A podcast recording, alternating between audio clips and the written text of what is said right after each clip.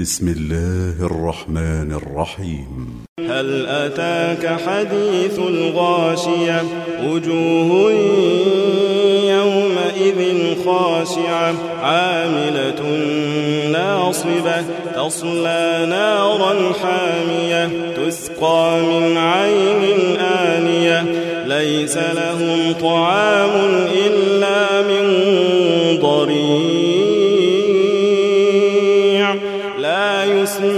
ولا يغني من جوع. وجوه يومئذ ناعمة لسعيها راضية في جنة عالية لا تسمع فيها لاغية. فيها عين جارية فيها سرر مرفوعة وأكواب موضوعة ونمارق مصفوفة وزرابي مبثوثة أفلا ينظرون إلى الإبل كيف خلقت وإلى السماء